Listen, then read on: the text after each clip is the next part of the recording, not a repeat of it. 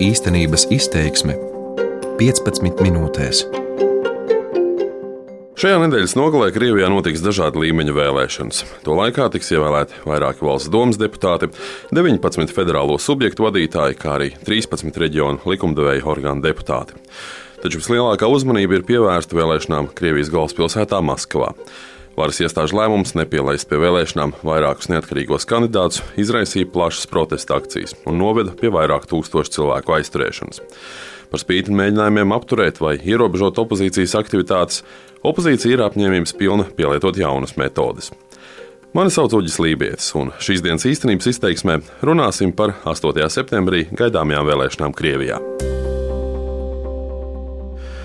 Ļoti iespējams, ka 8. septembrī gaidāmās vēlēšanas daudzos Krievijas reģionos, un īpaši galvaspilsētā Maskavā, šogad nebūtu piesaistījušas tik lielu uzmanību, ja vien nebūtu šīs vasaras otrās puses notikumu.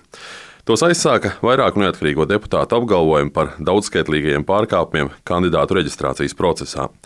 Tādēļ opozīcijas kandidātiem faktiski tika liekta iespēja startēt vēlēšanās, lai arī reģistrācijai nepieciešamie paraksti bieži vien tika savākti un pat atzīti par īstiem. Sākotnēji pieprasot pielaist neatkarīgos kandidātus pie vēlēšanām, Maskavas centrs piedzīvoja lielākās protesta akcijas pēdējo gadu laikā, un arī lielāko skaitu aizturēto. Divās no šīm akcijām, kas turpinājās vairākas nedēļas nogales pēc kārtas, aizturēto skaits ievērojami pārsniedz tūkstoti. Daudz no šo akciju dalībniekiem tagad figurē krimināllietās par masu nekārtībām, taču vairums ekspertu, novērotāju un vienkāršo iedzīvotāju ir pārliecināti, ka masu nekārtību nebija. Pārlieku liela policijas vardarbība gan. Spēcdienesti gan uzskata, ka opozīcijas partijas šādu protestu rīkošanai varētu būt saņēmušas finansējumu no ārvalstīm. Vairums komentētāji ir viensprāts par to, ka Maskavas domas vēlēšanas pašreizējā spēku sadalījumā nekādas būtiskas izmaiņas nebūtu nesušas, un droši vien arī nenesīs. Pie varas joprojām paliktu pilsētas mērs Sergejs Sabjāņins, kurš pārstāv valdošo partiju vienotā Krievija. Galu galā, iepriekšējās ja vēlēšanās šī partija un tai lojālie spēki ieguva kontroli pār 38 apgabaliem no 45. Taču iespējams šoreiz scenārijs varēja izvērsties citādāks. Un kā uzskata Jurija Levadas analītiskā centra sociālās kultūras pētījuma nodaļas vadītājs Aleksis Levinsons, varai šādi varbūtēji scenāriji nav nepieciešami. Valsts baidās Причем это уже я убежден, что это боится центральная власть. Vara baidās no precedenta radīšanas. Turklāt esmu pārliecināts, ka baidās centrālā vara. Viņi baidās, ka cilvēki atzīs par iespējamu ar vēlēšanu palīdzību ietekmēt valsts politisko kursu. Un pašreiz valdošais grupējums to traktē kā varas zaudēšanu. Viņiem liekas, ka no tā jau ir tieši ceļš uz pilnīgu murgu, piemēram, krāsu revolūcijām un tā tālāk цветная революция и так далее. Tik tiešām drīz pēc protesta akcijas sākuma reiz vien izskanēja apgalvojumi par to, ka Krievijas pilsoniskā sabiedrība beidzot ir modusies un spējusi paust savu neapmierinātību ar Putina varu. Tika vilktas paralēls arī ar 80. gadu beigām un neatkarības kustībām Baltijā. Bet, atklāti sakot, vismaz man, sakojot līdzi šīm protesta akcijām, tāda sajūta nebūtu neradās. Un pamazām atzīstot, ka sākotnēji izraudzītā stratēģija augļus nenesīs, Turpmākos soļus nācās pārdomāt arī Krievijas opozīcijas spēkiem, kas sāka vairāk koncentrēties uz prasību atbrīvot politieslodzītos un izbeigt protesta akciju dalībnieku vajāšanu. Un gal galā atkal ir izveidojusies situācija, kurā skaidrības par vēlēšanu iznākumu nav. Uz to norāda arī Aleksis Levinsons. Что э, пока не ясно, это э, ну, как, как пройдет голосование. Pagaidām nav skaidrs, kā notiks pati balsošana. Pats labākais iznākums pašreizējai varai būs tad, ja aktivitāte būs ļoti zema, un ja visi tie, kuri draudēja ar savu neapmierinātību, neatnāks uz vēlēšanām un ne par vienu nebalsos. Bet pārējā kontingenta nostāja ir skaidra. Viņi ir varai labvēlīgi noskaņoti, vai arī to ir iespējams regulēt un koriģēt. Un rezultātā savos krēslos domē tāpat būs tie, kuriem tur ir jābūt būt. Ir gan iespējams arī variants, ka salīdzinoši liels iedzīvotāju skaits var nobalsot ne par varas partiju. Tie būs komunistiskās partijas un liberāla demokrātu kandidāti. Šādā gadījumā var rasties visai neveikla situācija, taču domāju, ka viņi atradīs izēju no šīs situācijas. Domāju, ka viņi найдут выход из этого положения. Levinsons pieļauj, ka pēc vēlēšanām opozīcijas aktivitātes varētu pierimt vai pat pilnībā apstāties. Taču ir iespējama arī protestu pastiprināšanās, kas savukārt veicinās arī šo protestu asāku apspiešanu. Par daudz nereālāku iespēju Aleksis Levinsons uzskata neapmierinātības un protestu akciju izplatīšanos citos Krievijas reģionos. Un par to liecina kaut vai tas, ka līdz šim gaidāmās vēlēšanas nav izraisījušas plašāku rezonanci citos Krievijas reģionos. 8 сентября Единая Россия и все ее вороватые депутаты 8. septembrī vienotā Krievija un visi tās zaglīgie deputāti atkal atnāks, lai savāktu savas deputātu vietas un paziņotu, ka viņi valda mūsu vārdā. Pretoties tam var tikai gudrā balsošana. Ar tā dēvētās gudrās balsošanas projektu viens no redzamākajiem opozīcijas līderiem, Aleksis Navaļnijas, nāca klajā jau pagājušā gada rudenī. Un šī projekta mērķis ir atņemt valdošajai partijai vienotā Krievija balsis dažādās reģionālajās vēlēšanās, tostarp Maskavas domas vēlēšanās. Kā turpina apgalvot Navaļnijas, valdošās partijas kandidāti parasti saņem vien ap 50% balsu, taču citu politisko spēku sašķeltības dēļ tāpat uzvar. Tāpēc tiek piedāvāts balsot par to opozīcijas kandidātu, kuram ir vislielākās izredzes uzvarēt, neatkarīgi no tā, kādu partiju viņš pārstāvētu. Vai tie būtu komunisti vai liberāli demokrāti no tā dēvētās sistēmiskās opozīcijas. Bet šos kandidātus izvēlētos tieši Navaļnijas štābs. Šis piedāvājums Maskavas domas vēlēšanu priekšvakarā ir guvis visai plašu rezonanci, jo viedokļi par šādas sistēmas efektivitāti vai nepieciešamību dalās. Kā norāda politologs Aleksandrs Morozovs, ja vēlētājs ir izlēmis šādu sistēmu izmantot, viņam uz to ir pilnībā jāpaļaujas. Те, кто собирается следовать умному голосованию, должны последовать рекомендации штаба Навального. Tiem, kuri izlems sekot gudrajai balsošanai, ir jāseko Navaļnija štāba rekomendācijām, un šeit nav vajadzīga iedziļināšanās. Jo tiklīdz jūs sāksiet iedziļināties, tās izrādīsies, kā tiek rakstīts internetā, vienādas mēslu šķirnes, un jūs nevarēsiet izdarīt nekādu izvēli.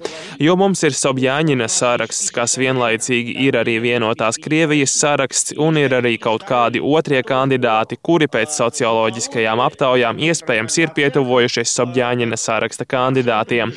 Tur nevajag domāt, bet vienkārši balsot un viss. Līdz ar to vai nu notiks Sobjāņina saraksta gāšana, vai arī nē, bet to rādīs tikai vēsture.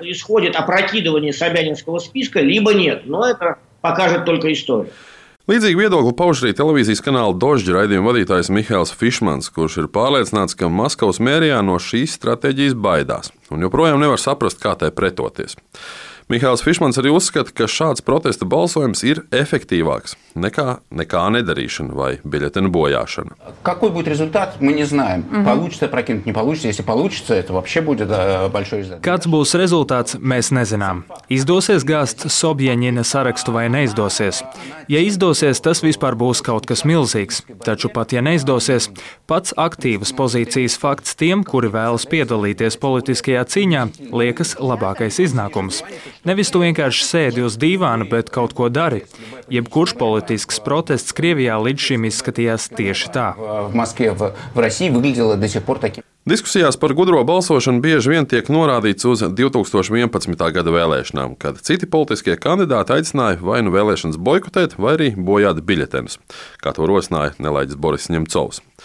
Aleksis Navaļnijas savukārt toreiz mudināja balsot par jebkuru partiju, izņemot Zagļu un Krāpnieku partiju, ar to domājot vienoto Krieviju. Un kā tiek uzskatīts, ja balsis būtu saskaitīts godīgi, tieši Navaļnijas stratēģija izrādītos veiksmīgākā. Viens no tā laika Navaļnija konkurentiem un Ņemcova līdzgaitniekiem, Fóruma Brīvā Krievija organizators Garijs Kasparovs, arī šoreiz tomēr ir pret gudro balsošanu. Прошло 8 лет. И, в общем, мне кажется достаточно очевидно, что ситуация сегодня кардинально отличается. Ровно потому, что мы знаем... Ir pagājuši astoņi gadi, un ir acīm redzams, ka situācija šoreiz ir kardināli atšķirīga, jo mēs visu zinām par tā dēvētajām opozīcijas partijām. Par to, ka viņas balsoja par Dimas Jakovļeva sarakstu, par citiem kropliem likumiem, par Krīmas aneksiju. Viņas nekad nav bijušas opozīcijā, Tas ir tieši tas, par ko es un Boris Ņemcovs runājām 2014. gadā, un tieši to pierādīja gudrais balsojums 2011. gadā.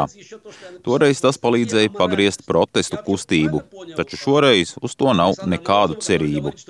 Turklāt klāt nāk amorālais aspekts. Man izklausās briesmīgi balsot tā, kā saka Navaļnijas.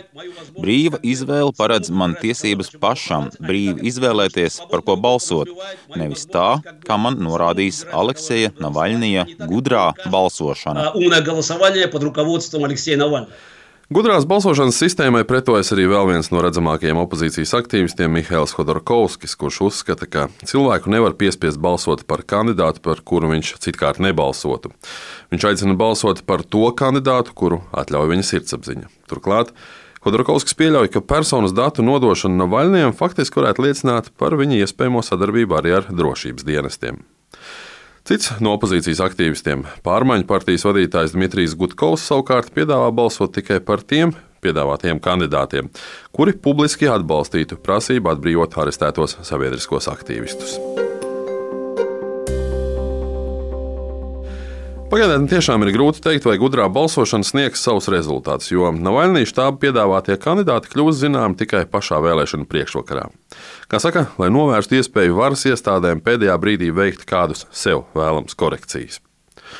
Kā norāda Aleksis Levinsons, šis gudrās balsošanas izmēģinājums tomēr var sniegt divas ļoti nozīmīgas lietas. Pirmkārt, Aleksis Navaļnijas varēs pārliecināties, cik populārs viņš ir un cik daudz cilvēku viņam atsaucas. Otrakārt, arī varai būs iespējams noskaidrot, ar cik spēcīgu un populāru pretinieku tad viņiem ir jācīnās.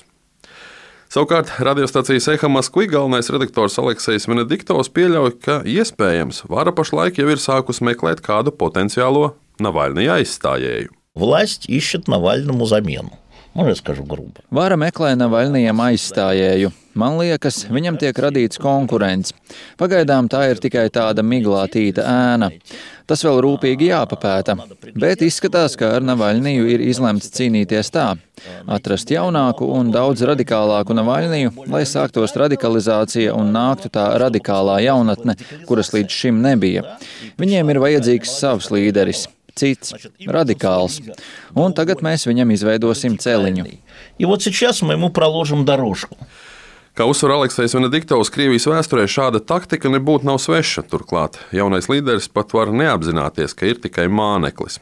Šādai personai tiek ļauts radikalizēties, bet brīdī, kad sākas runas par režīmu gāšanu, tiek apspiesta visa kustība. Taču pēc Venedikto domām pirms nedēļas nogalē paredzētajām vēlēšanām daudz svarīgāk tomēr ir tieši diskusija par politisko morāli. Интересная дискуссия, она не имеет никакого отношения к выборам на 8 сентября или голосованию 8 сентября. Šai diskusijai faktiski nav nekādas saistības ar 8. septembra vēlēšanām vai balsojumiem. Tas ir jautājums par morāli politikā, kur politiķiem ir sarkanā līnija koalīcijas veidošanai, pat ja tā ir virtuāla, un katram politiķim tā ir atšķirīga. Un man liekas, ka jau pats fakts par šādas diskusijas esamību attaisno šo gudro balsošanu. Pats fakts, ka mēs tagad saprotam, kas atšķir Navaļniju no Hodorkovska, Hodorkovski no Gutkova, Gutkovu no Javļinska un tā tālāk. Un tālāk jau ir tava, kā vēlētāja izvēle. Tev ir svarīgs morāles aspekts vai nav? Тебе важна моральная составляющая или тебе не важна? Par to, kāds būs Maskavas domas vēlēšanu iznākums, mēs uzzināsim jau nākamās nedēļas sākumā.